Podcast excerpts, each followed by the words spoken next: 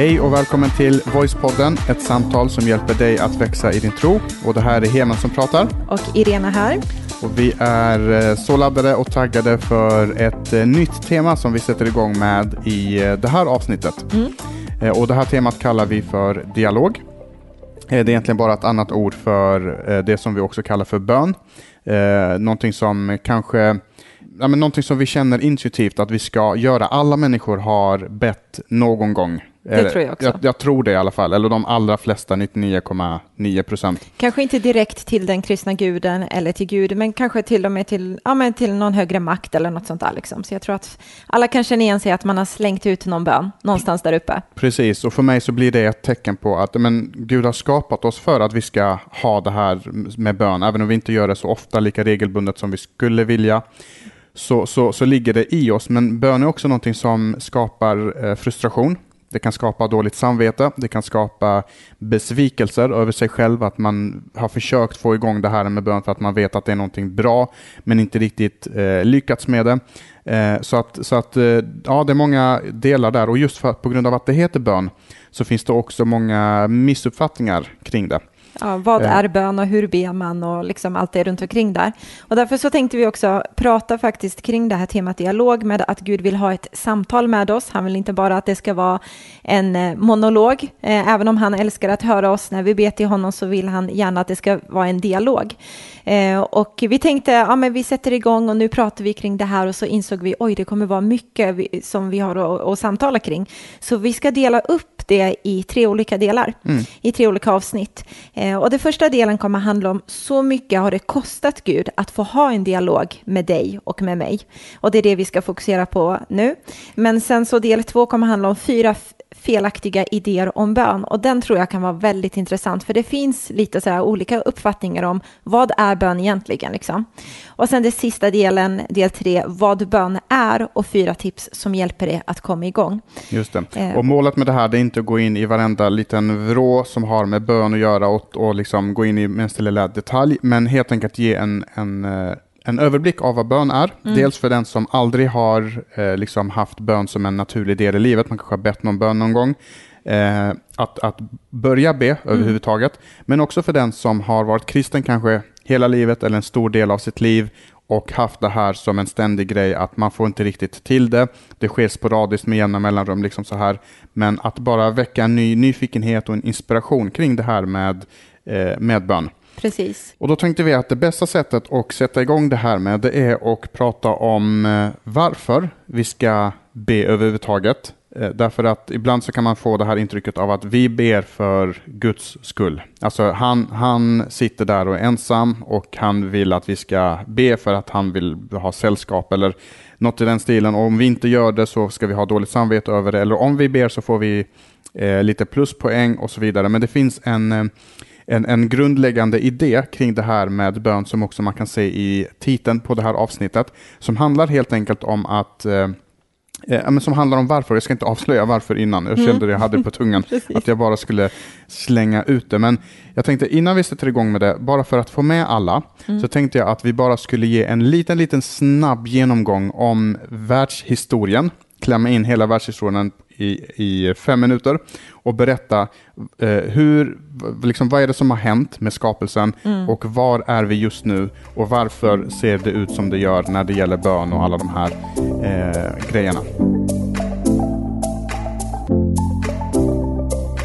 Men när vi tänker på i alla, alla början så var vi ju skapade för en enda anledning faktiskt. Det är det som Bibeln kommunicerar. Och det är dels att vi ska njuta av allt det här som Gud har skapat för oss, av själva skapelsen. Och sen också att vi ska ha en relation med Gud. Det var därför han skapade människan, för att han ville ha en relation med oss.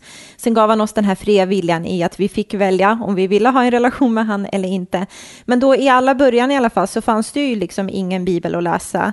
Eh, det fanns inga kyrkor att besöka på den tiden, inga behövande människor att hjälpa, ingen att predika för, utan det som fanns i alla, alla början, det som var Guds originaltanke med det hela var att det var vi och Gud och vi skulle ha en dialog och ett samtal däremellan. Mm.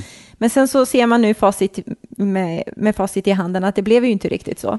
Nej, det blev ju inte riktigt så, utan eh, vi valde att eh, vända Gud ryggen mm. och eh, inte lyssna på det han hade att säga och det liksom eh, så. Det blev och, en rejäl klyfta kan man säga. Ja, men precis. Och det skapade då en klyfta genom hela skapelsen och det här är en ganska bra eh, omvärldsbeskrivning skulle jag vilja säga. Och det är en av de sakerna varför jag gillar Bibeln. Det är just att den ger mig en förklaring på varför saker ser ut som de gör när vi tittar ut i, världen. Mm. När vi tittar ut på ondskan, när vi tittar på eh, eländet, sjukdomar, alla de här grejerna. Så, så har Bibeln en väldigt bra beskrivning på det. Och inte bara när jag tittar ut i världen, utan också när jag tittar in i mig själv. Precis. Varför känner jag som jag gör? Varför tänker jag som jag gör? Varför har jag de här tankarna och den här brottningskampen? Eh, men också varför finns det godhet i mig och varför, mm. eh, liksom, hur kan jag få ut den på bästa sätt och så vidare. Men några så. av de grejerna som man kan lägga märke till direkt, jag tänker på det fysiska, så är det ju våra kroppar. Där så ser vi ju liksom att vi har ju fått eh, en konsekvens av den här klyftan i skapelsen, att vi, våra kroppar är inte, de är dödliga mm. helt enkelt. Liksom. Precis, Gud skapade inte människan för att vara dödlig, utan mm. vi blev skapade för att leva i evighet helt enkelt. Men när vi vände Gud ryggen så kunde det inte vara så att vi skulle leva i detta. Och det här kallar Bibeln för syndafallet. När vi vänder Gud ryggen och så, eh, och så bryts då kontakten med Gud och, och det får konsekvenser. Och de här konsekvenserna är som sagt inte någonting som Gud har bestämt att på grund av att ni har gjort så, så ska ni straffas på det här sättet. Nej. Utan det vi kommer ta upp nu, det handlar egentligen om att en värld utan Gud ser ut på ett speciellt sätt till skillnad för en värld med Gud. Mm. Och Det kan man likna vid till exempel um, man brukar säga att, att Gud är godhet och där Gud inte finns, där saknas godhet. Mm. Eh, på samma sätt som eh, ljus, eh, eller eh, ja, ljus är egentligen, eller mörker rättare sagt, är avsaknaden av ljus. Så där, eh, om du har ett rum som är mörkt så är det egentligen bara ett vakuum på, på ljus. Alltså det finns inget ljus mm. i det rummet, det är inte vakuum för det finns luft och ja, andra jag, partiklar. Jag förstår din bild, liksom, vad du menar med det. Precis, men mörker är avsaknaden av ljus och eh, ondska är avsaknaden av godhet. Så när vi vänder Gud ryggen och Gud försvann ur skapelsen. Så försvann eh, allt det där goda med honom också som vi längtar efter och som vi behöver och som vi vill ha också i våra liv. Precis, och då kom då det här med, eh, med att vi började åldras. Så Gud mm. skapade inte oss för att vi skulle leva, eh, för att vi skulle åldras, utan han skapade oss för att vi skulle ha evigt liv. Och det kan man till exempel se i våra celler. Jag läste någonstans att att det finns en defekt i våra celler som gör att vi åldras helt enkelt. Att egentligen så har våra celler potentialen att få oss att leva för evigt. Mm. För våra celler de, de, delas ju hela tiden. Så egentligen den här maskinen som Gud har skapat i oss, den skulle kunna hålla på i all evighet. Men någonting finns i våra celler som gör att men vi åldras också, att våra celler pallar inte med, Nej, just det. med det här. Så det är det första som skedde när vi vände Gud ryggen, att vi började åldras. Mm. En annan sak är att vi blev sjuka. Vi blev sjuka, vi, eh, ja men det kan man ju se, man föds med olika sjukdomar, defekter och eh, andra får det kanske senare. Ja, men, ja, det kan vara olika saker och det är inte så att Gud, det är det som var Guds tanke, men det är en, en konsekvens helt enkelt av att eh, det blev den här klyftan i skapelsen. Mm. Sen en annan grej som jag tänker på som man kan se väldigt tydligt också som vi ser i, i samhällsstrukturen, inte bara idag utan genom många år, eller liksom cirkel, genom hela historien, genom hela historien precis, mm. är just det här att mannen började dominera över kvinnan. Mm. Och det är inte det som Gud har tänkt heller, utan Gud har tänkt att de är lika värda, de är liksom jämställda med varandra. Vi är båda skapta till Guds avbild. Eh, men mannen började dominera över kvinnan och det kan man ju se idag som har blivit en jättenyhet, allt det här med hashtag metoo. Och som sagt, det är inte bara i den moderna tiden som vi har sett det, utan det har till och med kanske varit ännu värre förr. Ja, det har varit ännu ja. värre förr. Vi lever kanske i en av de mest jämställda tiderna i världshistorien ja, och ändå mm. så kommer då det här med... I alla, i alla fall här i väst. Ja, ja, i alla fall här i väst. Och, eh, och, och ändå så, så kommer då det här upp med metoo. Och det här är en, en eh, grej som Bibeln talar om. Alltså direkt efter det här syndafallet då, mm. så finns det en bibeltext i första kapitlet i första Moseboken, eller inte första kapitlet, i de första kapitlen, uh, som säger just det att mannen kommer att uh, råda över kvinnan. Mm. Inte, att, inte att Gud har bestämt att det ska vara så och att det är som ett straff från Guds sida, utan det är en konsekvens på grund av att men om där Gud inte är, där, där får det konsekvenser så att säga. Just det. Eh, och, och sen, sl slutligen, mm. och det är det som är vår poäng, och det är den här relationen med mm. Gud. Ja, men så är det. Vår relation tog rejäl stryk kan man säga mellan liksom Gud och människan. Vår relation med Gud bröts där. I början så fick vi ju möjligheten att vara med Gud och ha samtal med honom och det var det som var tanken. Men med den fria viljan så valde vi att pröva våra, liksom, vår egen väg och pröva våra egna vingar som man brukar säga. Och där så bröts den här relationen.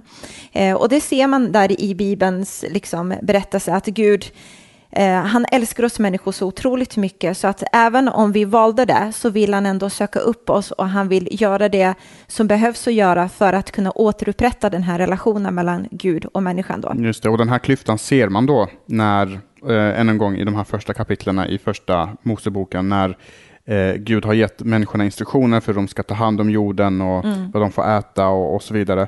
Och eh, rätt vad det är så ropar Gud efter dem och eh, frågar var är ni någonstans? Mm, som om han inte visste, men han visste det ändå. Precis, men de, men de hade gått och gömt sig ja. i rädsla för Gud på Precis. grund av det de hade gjort. Mm. Eh, och där då så ser man en, en klyfta och ända sedan dess så har eh, relationen med Gud varit bruten mm. Och vi människor har gjort våra försök för att komma till Gud genom olika religioner, genom olika livsåskådningar, genom olika sätt så har vi försökt söka upp denna guden, skaparguden som har skapat oss mm. eh, för att få en kontakt med honom igen. Och alla de här försöken har misslyckats för att vi har liksom inte ja, men räckt till och eh, lyckats med det, mm. helt enkelt. Det jag tänker är, som är så attraktivt som jag har sett, eller kan man säga så, det är attraktivt som Gud har gjort, är att eh, även om vi människor strular till det så, så ser han liksom situationen hur det är, men så, så sitter han inte bara där, ja, ja, nej, men nu får ni liksom fixa det här, ja, det är jobbigt, ni får försöka lite hårdare, försök komma på lite nya sätt och liksom komma upp till mig här, mm. utan han älskar oss ännu en gång så otroligt mycket så han kommer med en lösning. Precis. Eh, och innan vi går in på och berätta vad lösningen, vad lösningen är. är. så jag måste bara få berätta, en, för här, när vi ja. Eh, pratade om det här så fick det mig att tänka på eh, en tid i mitt liv mm. när jag eh, och, och, alla eh, killar och tjejer har det liksom någon, någon, tid, någon gång i sitt liv där man börjar bli... Nu blir jag nyfiken, vad ska du säga? Ja, men det är den här, eh, en, en tid i livet där jag började bli intresserad av tjejer. Ja. Eh, liksom, eh, började få upp ögonen för eh, de här tjejerna då och tänkte att nu ska jag hitta den, liksom, den rätta och så ska jag eh, hitta den här personen och leva med den här personen. Och liksom man börjar bli intresserad från att man inte var intresserad alls och eh, jag var sju år på den, på den tiden. Eh, och, och, jag trodde du skulle säga typ 14, du vet, där någonstans, men okej, okay, sju år. Ja, men, du var tidig i utvecklingen. Ja, men är det inte så att någonstans där, så från att det, det är liksom äckligt till att ja, det börjar, det börjar bli, bli intressant. intressant. Så hur som helst, så när jag var sju år gammal ja. eh, så fanns det en tjej som eh, eh när, jag var, när jag blev retad så stod hon upp för mig. Åh, vilken och, tjej. Ja, riktigt så här fantastisk och bra tjej liksom med god moral. Liksom. Oh, så hon stod upp för mig och eh, sa ifrån och, och jag blev ju störtkär i den här tjejen. Mm. Och så tänkte jag direkt, men hur, hur ska jag kunna visa henne att, att jag är kär i henne och att och hon, jag skulle vilja vara med henne liksom resten av mitt liv. Mm. Sju år gammal fortfarande. eh, och eh, jag kan bli ganska så här extrem och nördig och nörda in mig i vissa saker. Även så, då när du var sju år? Eh, precis, det börjar ju alltid någonstans. Så eh, då börjar tankarna sväva iväg. Hur ska jag få henne att förstå att jag tycker om henne? Och nu i efterhand så kunde man bara ha gått fram och sagt hej, jag tycker om dig. tycker du också om mig? om mig? Så tänkte man inte så, man hade liksom inte den eh, förståelsen kring det hela. Så vad jag tänkte det var så här, men om jag räddar hennes liv Mm. Eh, lite så här Baywatch-grej eh, över det. Om jag räddar hennes liv så kommer hon bli lika kär i mig som jag var i henne. För mm. hon hade mm. hjälpt mig och nu skulle jag hjälpa henne. Eh, så, och, men jag kan, inte, jag kan inte bara rädda hennes liv hur som helst, utan då måste det vara riktigt extremt. Liksom, någonting ska hända och så ska jag rädda hennes liv. Och då tänkte jag typ att, tänk om hon höll på att bli påkörd. Mm. Jag tänkte säga typ ramla från en klätterställning, men, eh, ja, du, ja, men du var det, väldigt extrem i din ålder, sju år. Ja, men det är svårt att rädda någon från en klätterställning ja, om man är sju henne. år gammal. Nej, men jag ja. tänkte om hon, om hon håller på att bli, och du vet man tittar mycket på tecknade filmer och superhjältar och grejer, så om hon skulle bli påkörd av en bil så skulle jag komma och knuffa bort henne och så skulle jag själv bli påkörd av den här bilen eh, och dö för henne. Oj. Så jag var verkligen, du inser hur extrem jag var, så tänkte jag, men då kommer hon förstå att jag verkligen, verkligen bryr mig om henne och jag tycker om henne och hon kommer inse att ja, men det är hemmen jag vill vara med. Liksom. Ja, Eh, men så kommer ju nästa grej, fast då är jag död. ja precis. så, så, då har inte jag. Ja. så då har inte jag nytta av att hon vet det, utan hon kommer hitta någon annan, vem hon nu eh, förälskar sig i. Och, Kommer eh, tänka, det var en bra kille det där. Hon går vidare. Precis, Mm. och leva lycklig i hela sitt liv och jag får inte ut någonting eh, av det. Och den som lyssnar nu tänker så här, tänkte du verkligen så? Ja, det var faktiskt Mm. Du gjorde det så jag alltså? satt på nätterna och var uppe och, eh, och tänkte. Och, men poängen med det är att eh, jag vill ju göra någonting för, för henne för att visa henne hur, mycket, eh, hur kär jag var. Mm. Eh, och jag tänker att Gud vill göra samma sak för oss. Han vill visa oss människor hur mycket han älskar oss, hur mycket han bryr sig om oss. Mm. Och han vet ju, och vi har haft det här temat vänner, att ingen har större kärlek än den som ger sitt liv för sina vänner. Just det. Eh, så, så det Gud gör helt enkelt är att Gud blir människa. Han Mm. ödmjukar sig, han går in i vår skapelse, lider tillsammans med oss och sen så ger han sitt liv i, i, till lösen för oss. Alltså han dör i vårt ställe. Han tar det här skottet Mm. som vi egentligen sk- skulle tagit. Han räddar oss från den här bilen som höll på att köra över oss och så dör han själv i eh, eh, vårt ställe. Men det häftiga är då att han får nytta av det därför att sen uppstår ju Jesus, den som kan eh, Precis. storyn efteråt så uppstår Jesus och, eh, och, och visar oss eh, hela den här grejen. Och poängen med det, eh, det är att genom hans död så får vi ju, alltså genom sin död så återställer Jesus allt det som brast där under skapelsen. Exakt. Liksom. Men det var en väldigt bra bild där du hade, även om den var lite dramatisk för att vara sju år, så var det precis det som, kan man säga, som Gud faktiskt gjorde. Det var en bra bild på det hela. Och precis som du säger så var det ju just genom sin död på korset som Jesus återställde den här relationen så som Gud önskade att den skulle vara, som var hans originaltanke mellan, mellan han och människan. Och eh, grejen med Jesus är att han inte bara dog där, eh, så som du skulle göra i ditt scenario, utan han uppstod ju faktiskt. Och på grund av att han lever så kan vi ha den här eh, levande relationen med honom. Eh, och det är flera olika saker som blev återställda genom eh, hans sår, säger Bibeln, så får vi helande. Eh, han visar oss åter vårt människovärde och visar oss med sina handlingar, gjorde han också när han gick på jorden med att kvinnor och män är lika värda. Han liksom såg den svaga, upprättade den. Eh, och han gjorde det möjligt för alla människor som faktiskt vill eh, att de får möjlighet att komma till honom, ha en relation med honom, komma till himlen. Och vi fick evigt liv igen. Ja, vi fick evigt liv igen där det liksom, och även också i himlen där finns det varken sjukdomar, död eller naturkatastrofer, utan allt det som Gud ville liksom blev återställt i Jesus. Eh, och det viktigaste av alltihopa än en gång är den här relationen som var bruten, att den blev verkligen återställd nu. Eh, och på grund av Jesus så kan vi alla ta del av det här, på grund av. Mm. att han lever och han har uppstått liksom.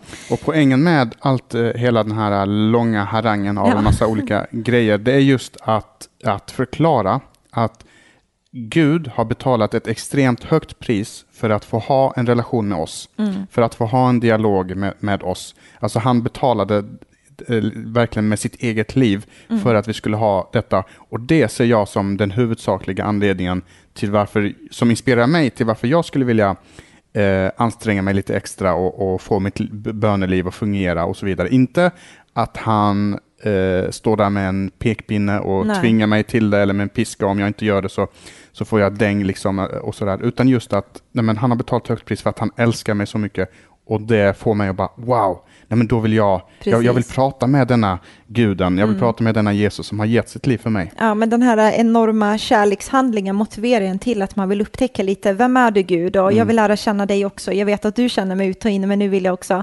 höra dig och lyssna till dig. Och, och på riktigt, jag, jag tror inte att människor faktiskt vill ha bara en sån här torr relation till Gud. Du vet, där man bara säger någonting och bara, nu har jag gjort det. Utan jag tror att människan genuint verkligen längtar efter att få få lära känna liksom sin Gud och sin skapare. Och Jesus har gjort det möjligt för oss genom den här enorma kärlekshandlingen. Precis, och många tänker, det finns ju olika typer av så här idéer om att, om att eh, verklig kristendom, ja men då ska vi gå tillbaka till de första lärjungarna. Hur hade de det första århundradet? Men jag tänker att, att det handlar inte egentligen om ver- verklig kristendom för att Gud, när Gud skapade världen så tänkte han inte att jag ska skapa en ny religion som heter kristendom, utan kristendomen är bara en livsåskådning eh, som talar om för oss hur vi kan komma tillbaka till Gud, eller, eller att vi inte lyckades med då att han kom till oss.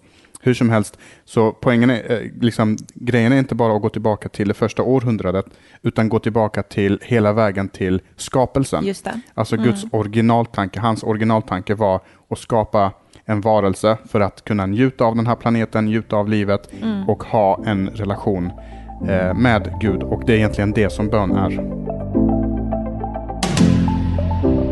Så nu tror jag att du som har lyssnat har fått med dig om hur mycket det har kostat Gud att få ha den här dialogen med dig för att du ska kunna ha det här bönelivet som man säger i kristna sammanhang tillsammans med Gud. Och jag hoppas att det har verkligen väckt en ny inspiration och kanske till och med säga just det, wow, tack Gud än en gång för det du har gjort och, eh, och även också en liten så pepp för att du vill fortsätta och eh, bibehålla den relationen i liv. Och vi kommer ge några verktyg eh, kring hur man gör. Så i kommande avsnitt, i nästa avsnitt så kommer vi prata om fyra felaktiga idéer om eh, vad bön är för någonting.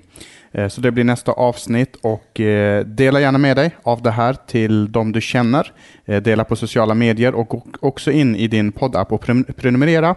Och eh, skriv gärna en recension också. Det vore ju helt fantastiskt. Det får du jättegärna göra. Skriv en recension, eh, berätta vad du tänker och tycker om Voicepodden och eh, dela med dig som Heman sa. Så återkommer vi snart med ett nytt avsnitt. Ha det bäst! Hej då! Hej då!